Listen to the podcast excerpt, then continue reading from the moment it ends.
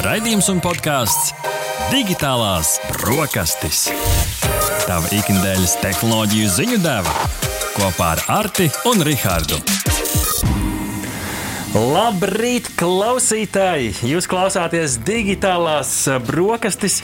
Sveicam jūs nedēļā, kad Marsa kosmosa kuģis Starship savā trešajā izmēģinājumā piezemējās taču beig beigās uzsprāga. Ikdienas aktualitātes, mūsdienīgi gadgeti, sociāla tīkla uzplaiksnījumi, zinātnes komercializācija un pārvēršana reālos, reālās tehnoloģijās. Par visu to mēs runājam digitālajās brokastīs. Un pie šī mikrofona, kā jau katru piekdienas rītu, digitālo brokastu burgermeistars Artis un ar mani kopā, kā jau katru piekdienu, ir cilvēks, kurš, starp citu, burgerus 90% gadījumu mēdz ēst ar pirkstiem. Tas ir neviens cits kā Rihards. Labrīt, klausītāji! Latvijas Rādio 1 un Radio Naba tiešraidē sveicieni arī jums, arī jums, kuri skatās un klausās mūsu ierakstā.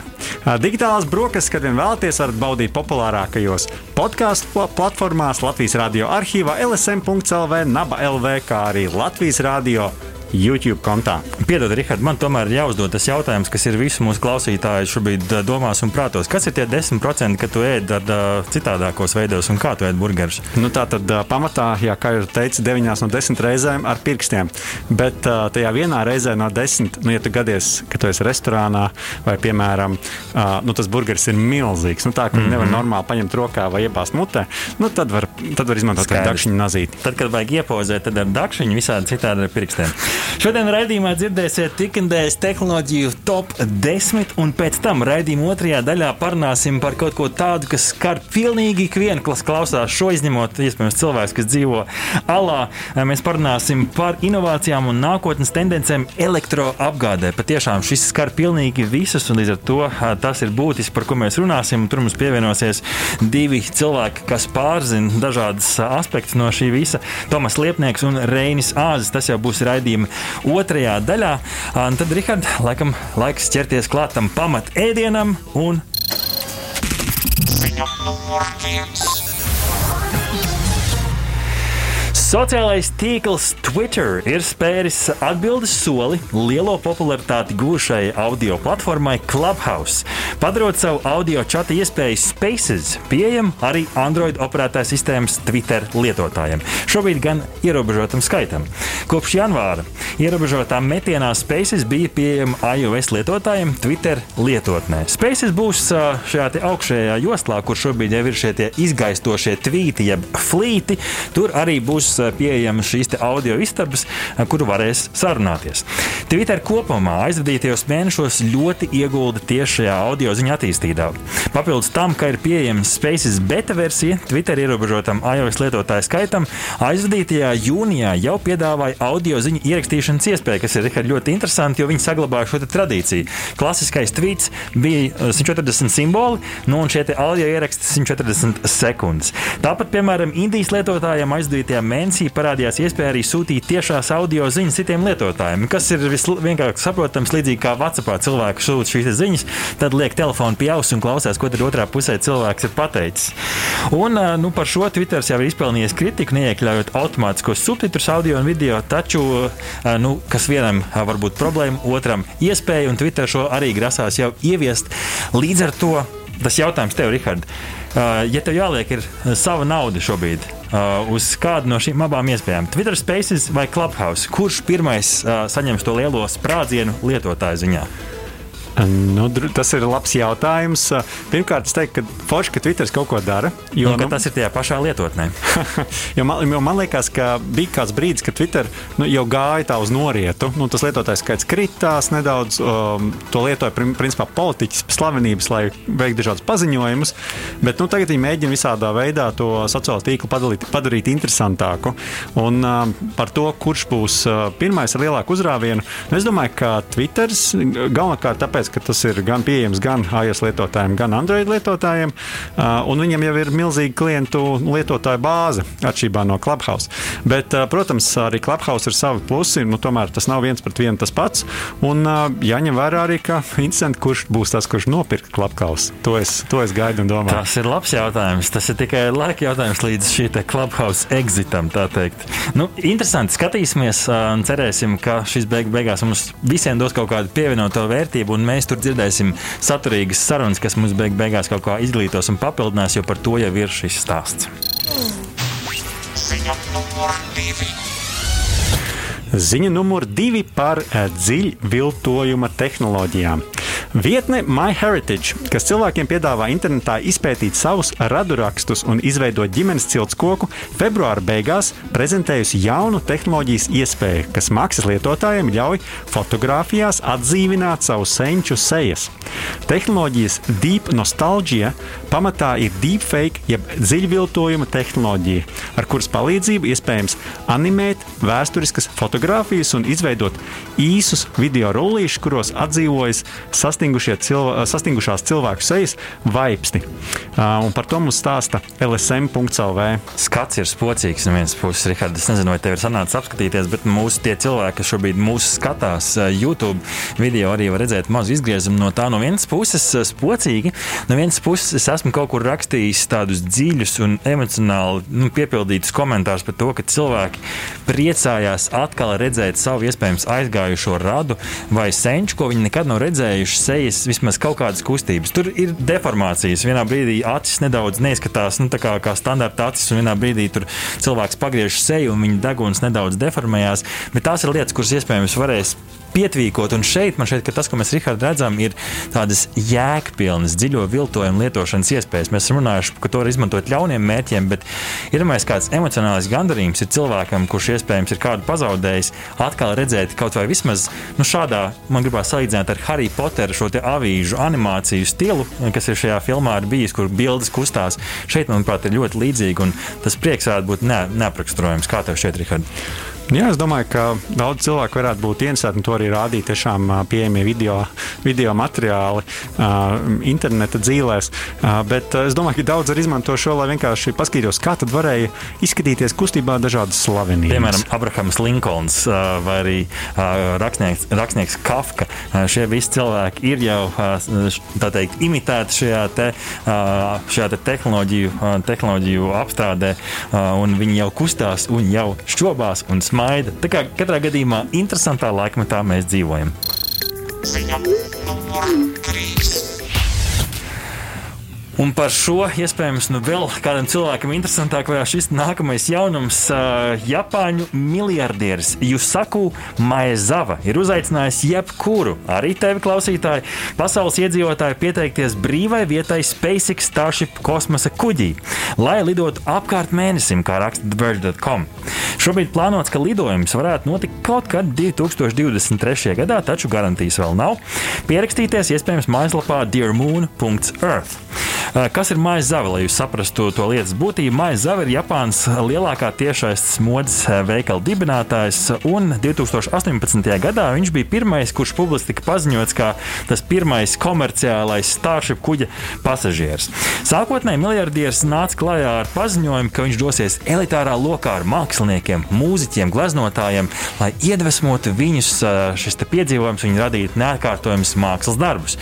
Šobrīd laikam šī Mājas Zavas kunga mārketinga komanda izdomāja, hei, kāpēc mēs tādi snobiski? Varbūt uztaisām lielu mārketinga kampaņu, liekam cilvēkiem pierakstīties nosacītā rindā, lai viņi publicē bildītas, kā to izdarīja es savos sociālajos tīklos.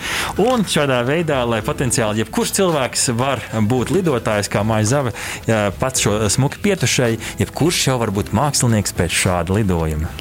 Jā, nu es, es gaidu to brīdi, kad tiešām būs nu, šī izloze notikusi un komanda būs savākta.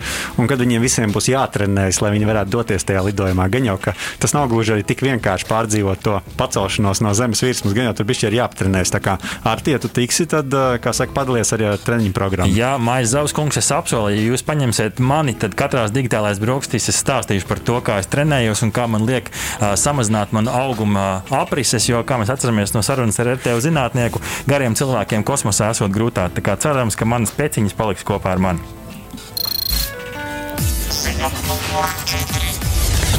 Arvien lielāku popularitāti pasaulē izpelnās NFT non-fungible tokens, jeb tiešajā tulkojumā neaizstājamie blokķēžu žetoni. Pateicoties NFT, dažādi mākslinieki ir jau ievērojami nopelnījuši. Elona Maska bērna māte un mūziķa Grimsa, jeb uh, Grimes, esot nopelnījis 6 miljonus ASV dolāru. Digitālais uh, mākslinieks Beeple 3,5 miljonus un Nyancat mākslinieks ap 600 tūkstošiem ASV dolāru. Atšķirībā no regulārām kriptovalūtām NFT nevarot iemainīt vienu pret otru, jo katram žetonam pretī esot unikāla digitāla vērtība. Nu, tā tad unikāla digitāla mākslinieciska vērtība, kas var būt jebkas, sākot no digitālām krājumām, kartiņām, digitāliem mākslas darbiem un animācijām, dziesmām un video spēļu ādiņām. Tās ir kā personalizēts teātris biļetes ar pircēju vārdu un citu saistošo informāciju. NFT ir arī labs veids, lai cīnītos ar digitāliem viltojumiem, jeb un, jo šo žetonu palīdzību varētu atšķirt oriģinālu no kopijas. NFT pamatā ir Ethereum kriptovalūtas standarts, kas to padara pieejamu plašākajā kriptovalūtu tirgu. Un tas, ko es uzreiz gribu, darbie klausītāji, teikt, mēs neesam finanšu eksperti un lūdzu nevainojiet mūs pie darbībām, ko jūs veiksiet vai neveiksiet, dzirdot šo ziņu. Jo patiešām mm, par šo domas dalās. Klasiskie, cilvēki, klasiskie finanšu analītiķi visticamāk kritizēs to kā jebkuru kriptovalūtu. Un no vienas puses ir arī daudz YouTube šobrīd video cilvēkiem, kas kritizē šo ideju, ka dažādi cilvēki, skaļi saka, ka NFT ir nākotne, ka tur patiesībā viss ir tikpat um, riskants kā jebkurā citā kriptovalūtā. Nenoliedzami ir ļoti patīkami, ka māksliniekiem mūsdienās ir vēl viens veids, kā nopelnīt digitāliem māksliniekiem piebildīšu. Jo patiešām tā, nu, tā atšķirība ir tāda, ka otrā pusē viņi liek pretī nu, kaut ko reālu, kas tiek nu, reģistrēts šajā tokenā, šajā žetonā. Un tad idejas, ka, nu, ja, es, ja mēs Rikārds samainītos ar šiem žetoniem, tad tie žetoni nebūtu vienādi. Man žetons būtu piemēram ar kaut kādu video spēļu ādiņu foniņā, tur, un tev būtu piemēram kāds dziesmas, dziesmas žetons. Līdz ar to tur radās tas unikāls unikālums šajā stāstā. Bet katrā ziņā nu, šis tāds trends tehnoloģiju pasaulē redzēsim, kā tas ies un attīstīsies tālāk. Ziņa 5. Redz, kā pagājušajā raidījumā runājām par OLED televizoriem un tehnoloģijām, un zinātnieki šo dzirdēja un ir izdomājuši kaut ko jaunu un interesantu. OLED, jeb organiskās gaismu emitējošās diodes, ir iekarojušas popularitāti dažādās elektroniskās ierīcēs. Taču zinātnieki no Londonas Universitātes koledžas un Itālijas Tehnoloģija institūta tām atraduši jaunu pielietojumu - tetovējumi. To potenciāls ir novērtēts arī uh, plašāk, kā tikai priekš tetovējumiem. Tos potenciāli varētu izmantot gan medicīnā, sportā, modē, kosmētikā un pat pārtikas taupīšanā. Zinātnieki pagaidām ir radījuši prototipu, kas nav jāievieto ādas slāņos, bet gan tie uz cilvēka ādas tiek iestrādāti līdzīgi kā izgaistošie tetovējumi ar ūdens palīdzību, kurš pēc tam var nomazgāt ar ziepēm. Tehnoloģijas pamatā ir 76 nanometru plāns gaismu emitējošs polimēru pārklājums ar īpašu uzklāšanas metodi. Ņemšu nu, kaut kas, kas ir daudz plānāks kā mats uz mūsu galvas. Nonākot elektriskā laukā, tetovējums izgaismojās. Rihard, ja es tev šobrīd piedāvātu šādu OLED tetovējumu, kas būtu tas, ko tu uztetavētu uz sava bicepsa? Nu, es, es domāju, ka varbūt nav pat svarīgāk, ko es uztetavētu. Bet jautājums ir, kādu funkciju tas pildīt. Jo nu, es saprotu, ka šādus tetovējumus var izmantot arī, piemēram, medicīnā. Mm -hmm. nu, teiksim, tu, ar, ar šādas te tehnoloģijas palīdzību, kas tev ir uz ādas uzlikta, vari saprast, piemēram, ka nezinu, cukuru līmenis varbūt samazinās asinīs, mm -hmm. vai arī tu esi pārāk pārkarsis un tev ir jāatdzesējas, vai nu, jebko citu. Un, dehidrācija, dehidrācija tieši tā. Mm -hmm. un, uh, tas man liekas ir, ir tas interesantākais. Es droši vien domāju par to, kā, kādu, kādu mērķi es tam tetovējumam, tetovējumam iedot. Piemēram, nu, nezinu, tajā brīdī, kad es jau sāku ļoti nogurt vai ir liels stress, tad man tur, saka, parādās kaut kas, kas. Stress? Tas būtu ļoti labi, starp citu, ka tu redzi uz, uz rokas tev kaut kas izgaismojas, saprot, nē jāelpo ir svaigs gaiss un jānomierinās. Jā. Tad tie pielietojumi ir dažādi. Tas, kas ir interesanti par šo tehnoloģiju, kā paši zinātnieki gan to raksturotai, nevajadzētu būt dārgai. Jo idejas, ka tas ir nu, kaut kas līdzīgs, kā jau šobrīd redzam šeit ādas printeri, tu uzdrukā vienkārši uz virsējās kārtiņas kaut ko, ko tu vari nomazgāt. Un tā nu, tehnoloģija patiešām no vienas puses vienkārši, varbūt kāds zinātnieks man, man gribētu pastrīdēties, bet idejas, kā jau stāstīja, e, uzliek šo tetovējumu virsū, e, apkārt ir nu, teikt, tas magnētiskais lauks, tad nevajag nekādus vadus tur laist caur ādu un tam līdzīgi līdzīgi. Tā kā nu, šis būs patiešām interesanti, un šis ir kaut kas tāds, par ko mums ir jāpadomā, kamēr mēs klausāmies muzikālo gabalu. Palieciet kopā ar mums! Godlike! Ziņa numur 6! Jā, pārceļamies tepat uz Latviju, jo Latvijas modes zīmols Kašer Bloom turpina darbu pie augstās modes cepurēm ar Bluetooth austiņām. Un par to mums ziņo labsoflatvija.com. Cepuru nedigitālā versija jau ir izpelnījusies arī dziedātājas Beyoncé, jeb Beyoncé stilistu uzmanību un ir daļa no Samantas Tīnas Eirovīzijas konkursa tērpa. Cepures iecerēts aprīkot ar austiņām, kuras nebūtu jāliek ausu gliemežnīcā, bet gan raidītu skaņu aiz auss. Tā pirmšķietami saudzējot ausu veselību. Zīmols attīstās un lolo cerības sastrādāties ar pasaules mūzikas zvaigznēm un aktieriem. Pagaidām gan sīkāka informācija par izmantoto tehnoloģiju nav atklāta. Mēs vienā no senākajām digitālajām brokstīm par kaut ko līdzīgu stāstījām. Tur gan nebija tik ļoti ar šo te, nu, augsto modi saistīts. Tur bija vienkārši, nu, vienkārši bīnīs vai, vai cepura nagu, kurai arī bija kaut kas līdzīgs. Tur gan laikam bija iestrādāts mazs skaļrunītis, kas vienkārši emitēja skaņu apkārt. Tas, kas šeit nu, izklausās interesanti, ir šī te tehnoloģija, kas laiž caur šo ausu aizmugurējo kaulu, kas tur ir mums aiz galvas. Nu, no vienas puses izklausās labi, no otras puses pagaidām es tā skeptiski šo skatos. Uh, jo nekas sīkāk arī ne mājaslapā, ne arī šajā rakstā nav rakstīts, nu, kā, kā tas tiks realizēts. Kā, kā tu to skaties, Rihard? Tieši tā, tieši tā. Mēs jau esam iepriekš ziņojuši, piemēram, par uh, ierīci, ar kuru varēs lādēt mobilo telefonu mm. no 5 metru attāluma. Tu, kamēr tu to neesi redzējis, vai kamēr tas, nav, kamēr tas nav, nav parādīts arī plašākai publikai, tikmēr jau grūti, grūti spriest. Kā, protams, novēlam Kašeram veiksmi ne ar viņa jauno inovatīvo produktu, bet nu, gaidām, kad būs pieejams arī aptaustīšanai. Ziņa numur 7. Autoražotājs Volvo paziņoja, ka no 2030. gada ražos tikai pilnībā elektriskas automašīnas un tās tirgos internetā. Tā vēstīja TechCrunch.com. Elektrifikācijas pārmaiņas ir daļa no globālā uzņēmuma transformācijas, par kurām uzņēmums paziņoja tā pilnībā elektriskā C40 crossover prezentācijā. Tuvākais mērķis uzņēmumam ir, lai 50% notirgoto automobīļu ir pilnībā elektrisks un pārējie hibrīdi. Šobrīd jau uzņēmums iet uz mērķi jo Eiropā 20. gadā, ja aizvadītajā gadā, viena no trīs pārdotajām automašīnām esot uzlādējuma hibrīda modelim.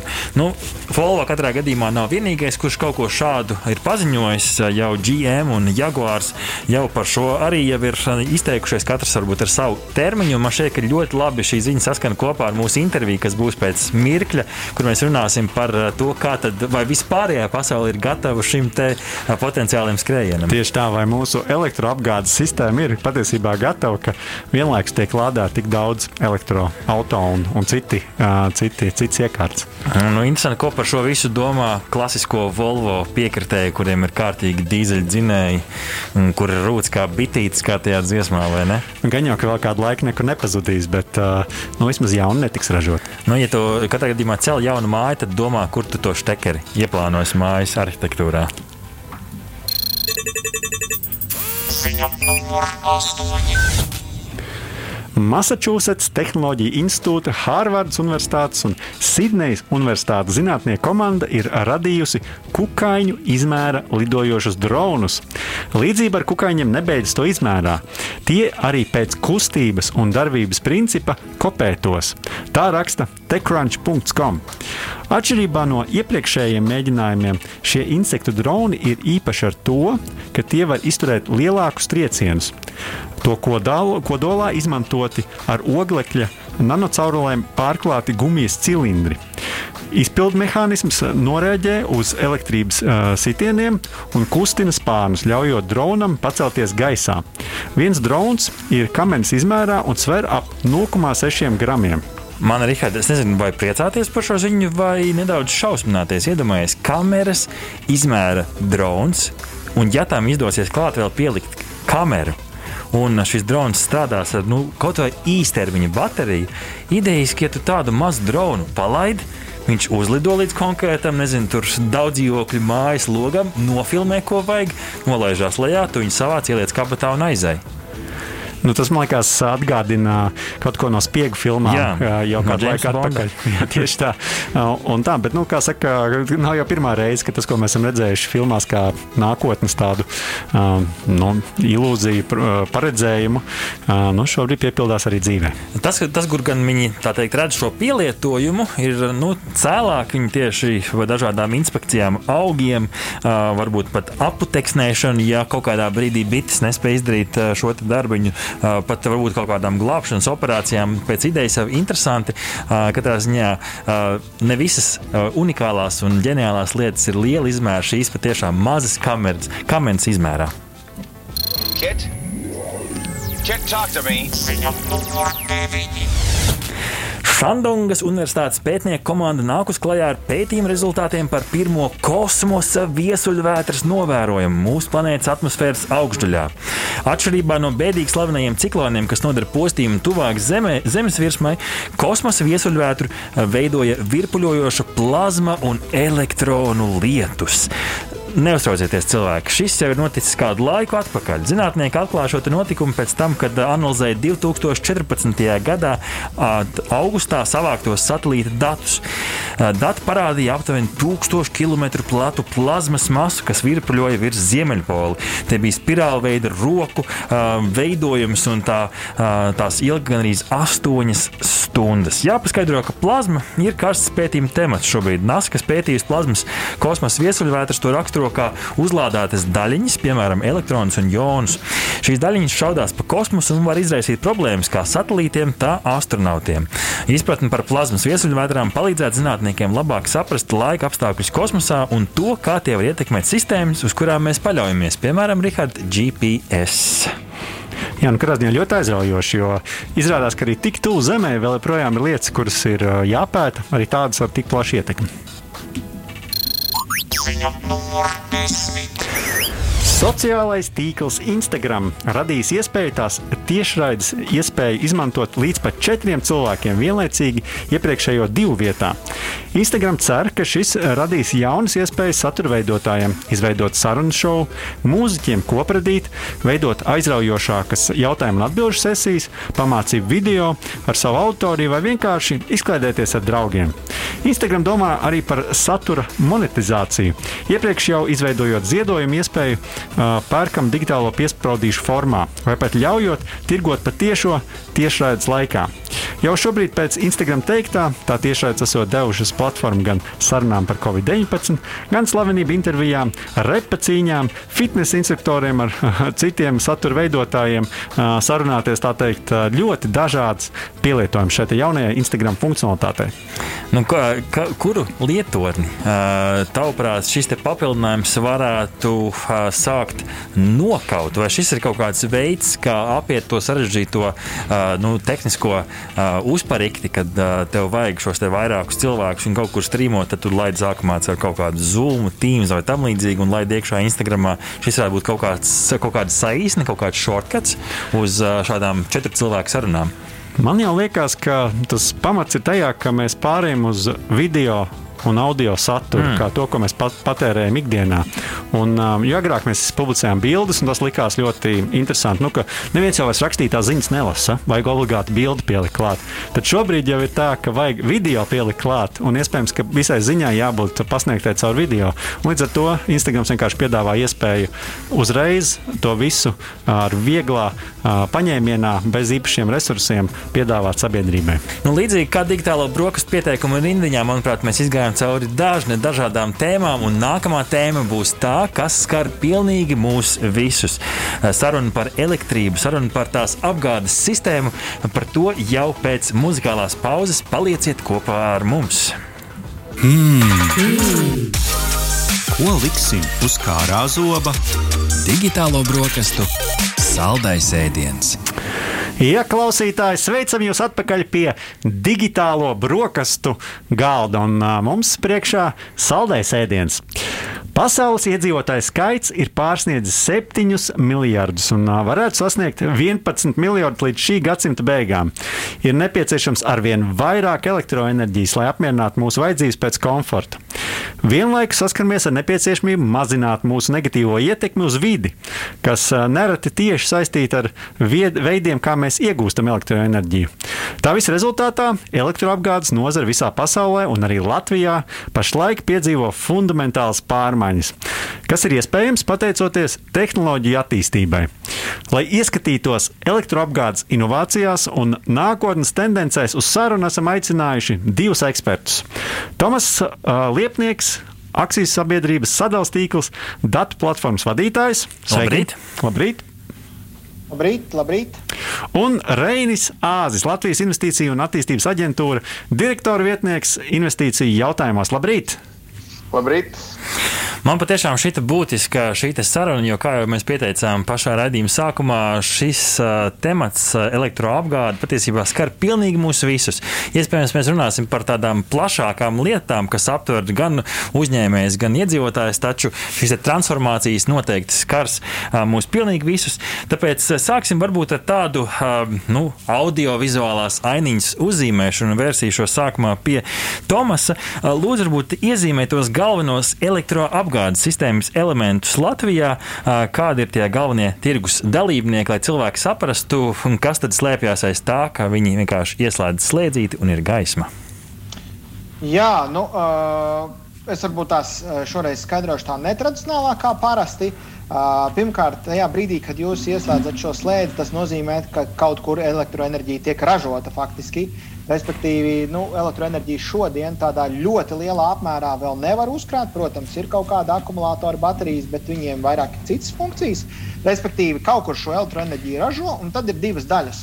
Viena daļa ir tāda, kas ir šī sistēmas daļa, kad ir sistēmas operators, pārvades operators, kas nodrošina šīs lielās augstsprieguma līnijas un attiecīgi arī elektroenerģijas importu un eksportu no vai uz ārzemēm kā arī no lielajiem ražotājiem. Un tad ir arī tālāk, ir esam mēs, sadalījuma sistēmas operators, kas nodrošina elektrības aiznešanu līdz gala patērētājiem. Nu, sadala ir tāda kā asinsrite, savukārt pārvade ir tā kā mugurkauls. Tā ir tā viena sadaļa sistēmai, otra sadaļa sistēmai mm, ir, šī, ir tieši šis elektroenerģijas tirgus, kad uh, vienā brīdī, kad elektroenerģija tiek saražota, tad šis ražotājs viņu pārdod biržā, un tālāk šo enerģiju no biržas jau nopērk jūsu elektroenerģiju šis elektroenerģijas tirgotājs, kurš tālāk jau ar jums ir noslēgts līgums un jūs veicat norēķinus. Tātad divas daļas - tā tehnoloģiskā puse un tad arī tā tirgus puse. Nu, Tā, pavisam īsi. Un šodien mēs vairāk par to tehnoloģisko pusi, vai ne, Rihard? Nu, jā, droši vien, ka vismaz vairumā jautājumu. Mm. Bet jā, mēs šodien principā vēlamies ieskatīties nākotnē, elektroenerģijas inovācijās un tajos potenciālajos risinājumos. Bet, lai to varētu tā labi izdarīt, būtu jāsaprot, kur mēs esam. Jo nu, noteikti arī pēdējos 10, 20 gados ir notikušas, notikušas milzīgas izmaiņas, tā skaitā arī tepat Latvijā. Un, nu, tad droši vien jājautā, nu, salīdzinot ar to laiku, kas Kas ir tās galvenās izmaiņas, kas notikušas šajā, šajā laikā Latvijā un arī pasaulē elektro, elektroapgādes sistēmā? Tas laikam jautājums Tomasam šoreiz. Jā, nu, esošā elektroapgādes sistēma, sistēma pakāpeniski tika veidota 20. gadsimtā, kad ražošana bija relatīvi lēta. Elektroenerģijas drošums bija nu, tāds tā kā relatīvi jaudu uh, pārpalikums sistēmā ar vienvirziena jaudas plūsmu virzienā no centrālajām elektrostacijām uz patērētāju. Tomēr šodien nu, klimata izmaiņu, pieaugušo resursu cenu un jaunu elektroenerģijas ģenerējušo tehnoloģiju mm, ieviešanas rezultātā uh, ir pakāpeniski un mērķiecīgi veicināta sistēmas modernizācija, un uh, elektrotīkls šodien Latvijā uh, tiek nepārtraukti atjaunots, tiek uh, nomainīta šī vēsturiskā infrastruktūra pakāpeniski pret jaunu. Tādā veidā arī stiprinot, protams, šo enerģētisko drošību un pakalpojumu sniegšanas nepārtrauktību. Turklāt tas, ko no šī raidījuma kontekstā un vispār aktuālitātes ziņā vēlos uzsvērt, kad okay, viens liels stāsts ir šī fiziskā elektro.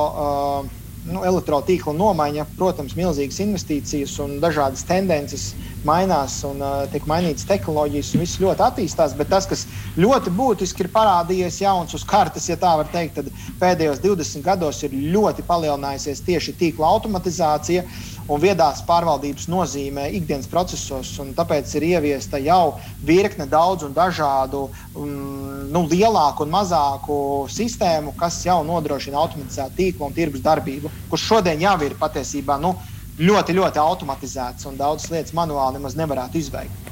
Rein... Nu, akal, Reinis gribēja pajautāt, varbūt paskatāmies uz pēdējiem pieciem, desmit gadiem, kā tajā inovāciju sadaļā, vai tur ir aktivizējusies nu, šī startupu, jaunu uzņēmumu sadaļa tieši attiecībā uz, uz nu, tādu elektroenerģijas, elektroenerģijas sektoru.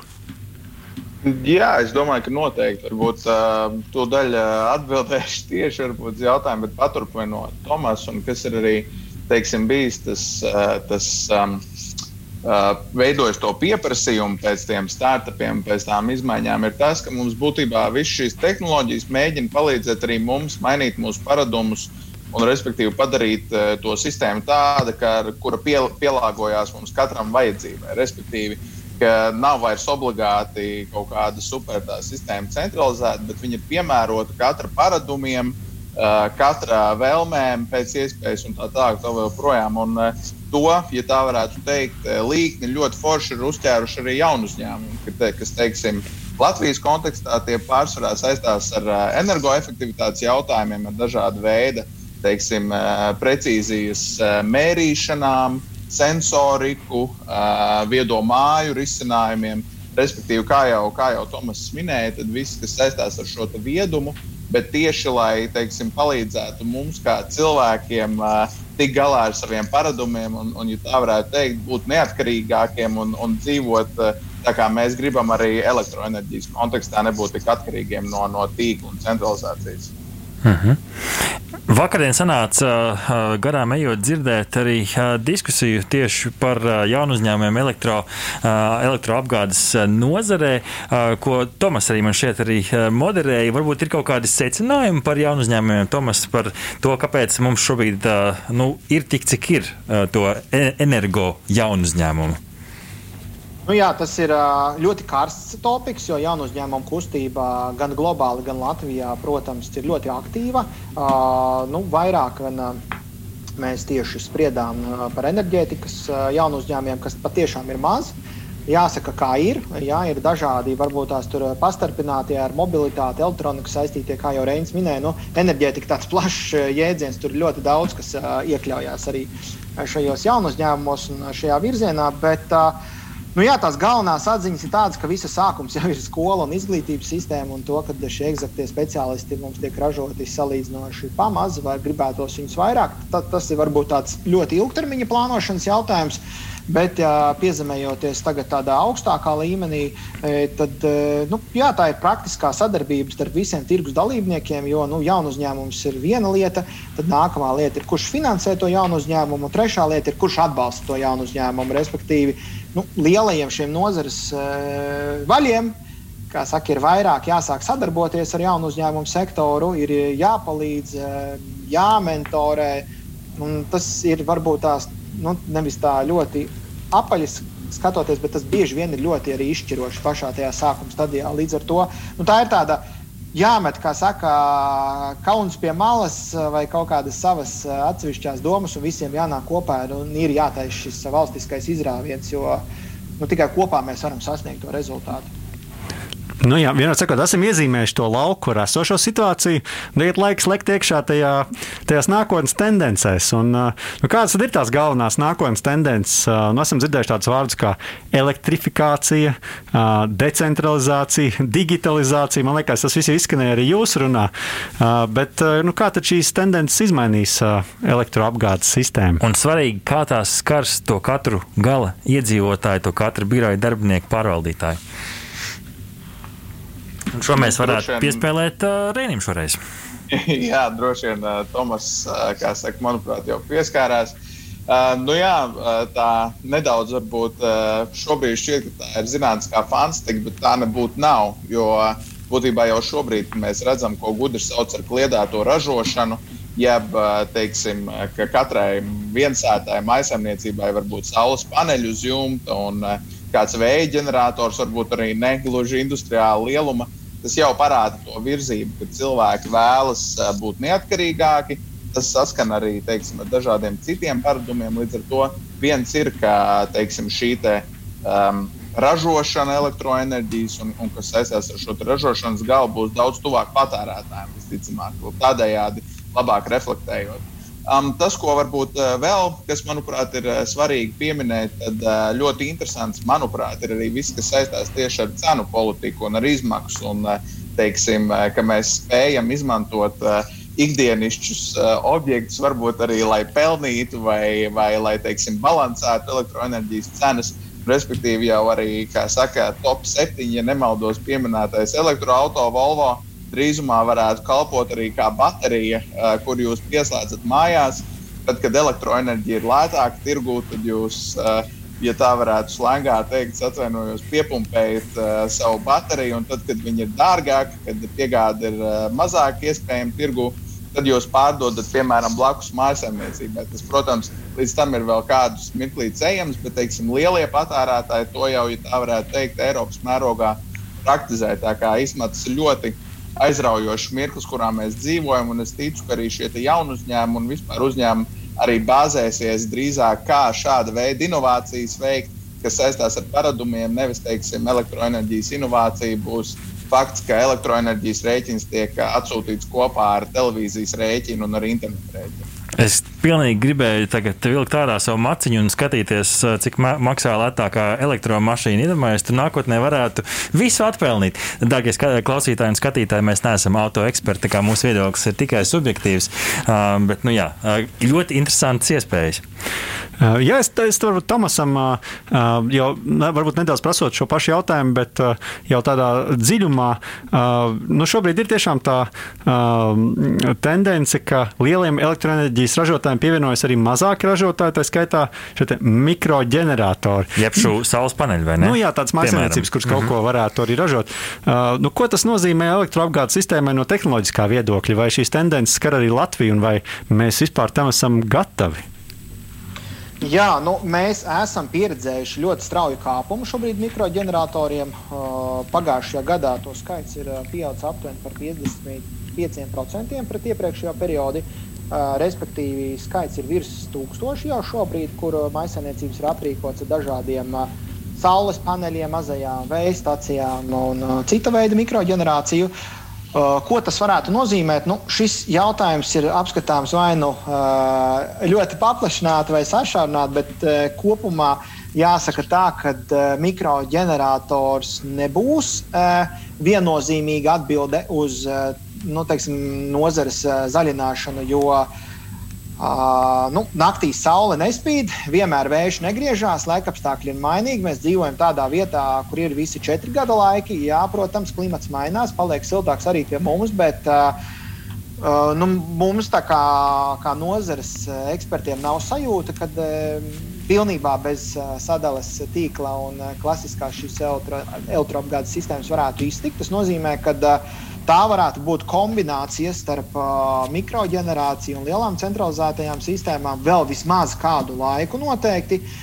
Bet tas, ko mēs redzam šodien, uh, nu jā, nu tā ir tā redzamā puse. Mēs paliekam zaļāki un uh, tirgotāji un tehnoloģiju piedāvātāji vedina mm, maisainiecības iegādāties šos paneļus. Tas, tas ir forši un uh, tas, tas noteikti ir nu, tas pareizais ilgtermiņa veidos. Bet mums, kā sistēmas operatoriem, tie ir milzīgi izaicinājumi. Jo nu, uh, mums tā klasiskā elektroenerģijas plūsma mainās no viena virziena uz divu virzienu. Nu, tātad tas tehnoloģiskais aspekts mums radās vairāki tādi punkti, lai arī kopā, kopā sistēma ir ļoti droša un fundamentāla, bet mēs pat pamanāmies sasniegt kaut kādas anomālijas. Uh, pārslodzes vai nu, kaut kādas atsevišķas, nu, tādas tiešām punktētas problēmas, kuras mums ir jārisina. Un, nu, jā, protams, mēs viņus risinām dažādi, gan, gan ar tehnoloģijām, gan ar uh, elektrotīkla risinājumiem, bet jā, tas mums nozīmē ļoti daudz izaicinājumus. Un viss zaļais, kas nāk šobrīd, um, nu, jāsaka, ir tās mums ir diezgan liels galvas sāpes, tāpēc mēs par to runājam, komunicējam un uh, skatāmies, kā pēc iespējas rentablāk to iespējot, jo skaidrs, ka tas nāks un tas paliks ar vien vairāk. Un, Mēs esam uh, maza valsts ar mazu elektroapgādes sistēmu, un uh, tāpēc ļoti daudz kas jaunais tiek izmēģināts tieši šeit. Un, uh, nu, arī attiecīgi uz mūsu sistēmu. Ja mēs runājam par šo zaļumu, man vienkārši nu, šeit, ka mums ir daudz klausītāju, kur noteikti ir mēģina ikdienā dažādos veidos atbalstīt vairāk to zaļo, to ekoloģisko pieeju. Nu, kaut vai domājot, piemēram, nu, kādas, kādas vistu olas mēs izvēlamies veiklā. Tur jau šīs kategorijas cilvēki tagad var nu, samaksāt par kaut ko iespējams vairāk tikai tāpēc, ka nu, viss ir skrējusi un klausījusies Mocartu. Kā ir ar uh, elektroapgādi vai kādu dienu es varētu izvēlēties, piemēram, nu, samaksāt kādu to eiro? Uh, nezinu, cik tur varbūt vairāk, varbūt arī pat uh, tikpat. Taču izvēlēties, ka es gribu tieši to elektrību, kas ir nākusi no, tā, no tās lielās vēja turbīnas kaut kur. Tā ir kaut kāda realitāte, ar ko mēs varētu saskarties. Tomas. Jā, nu šobrīd uh, tas droši vien labākais veids, kā dzīvot uh, pilnīgi zaļi, ir uh, droši vien. Uh, uzcelt māju kaut kur eh, meža vidū, uzlikt eh, sev uh, saules paneli, un tad tu varētu būt pilnībā pārliecināts par to, ka tev ir šī zaļā elektroenerģija. Bet nu, realitātē elektroenerģijas nu, plūsmas sadalīt zaļo no nezaļās. Uh, Pa fizisko infrastruktūru nodalīt nav iespējams, vismaz šobrīd. Viņa visa miksējās, protams, uh, tas, ko Eiropas Savienība šobrīd ir izdarījusi, tev ir iespēja iegādāties apliecinājumu no tirgus par to, ka tu esi iegādājies uh, šo megawatu zaļās elektroenerģijas. Nu, respektīvi, tas arī tāds tā kā, atbalsta jauns instruments, kas pakāpeniski ienāk elektroenerģijas tirgu tiem, kas ražo patiešām zaļu elektroenerģiju, saules. Uh, paneļu lielie parki vai vēja lielā, lielās turbīnas, tad uh, viņi saņem viņiem tiek izsniegts šāds apliecinājums, un tālāk tie apliecinājumi tiek tirgoti biržā.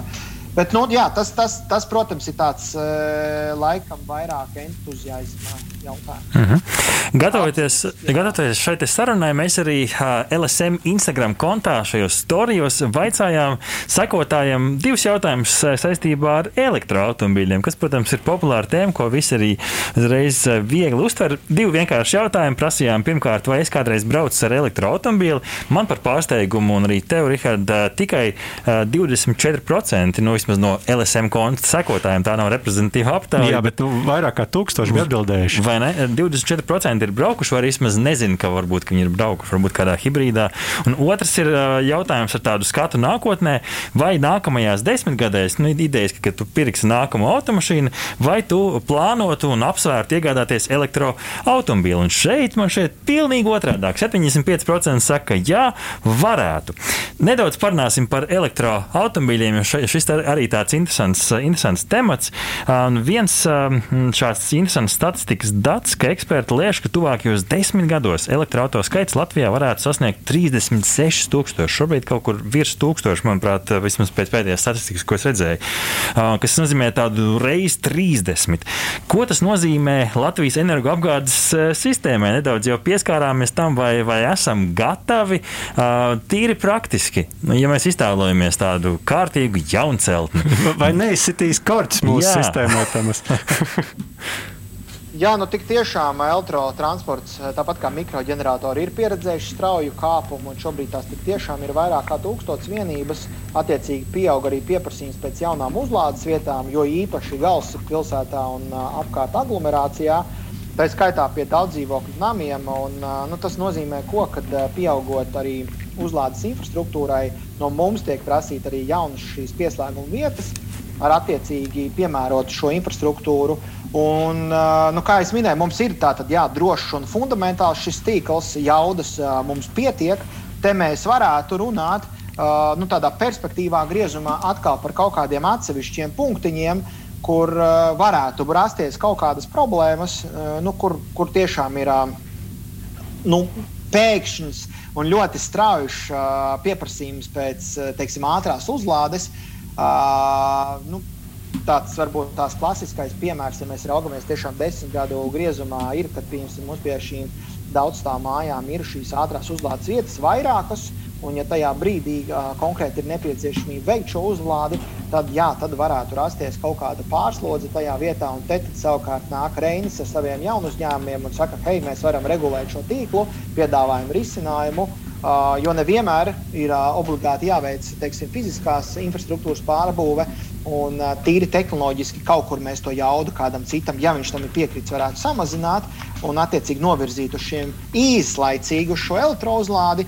Tādā veidā visas puses būtu priecīgas. Tā kā kopumā, rezumējot, infrastruktūrā lielā griezumā ir gatava, jaudas ir pietiekošas. Bet, kā jau minēju, nu, ir atsevišķi izaicinājumi kaut kādos punktos, kur ir tā momentālā milzīgā jauda nepieciešama.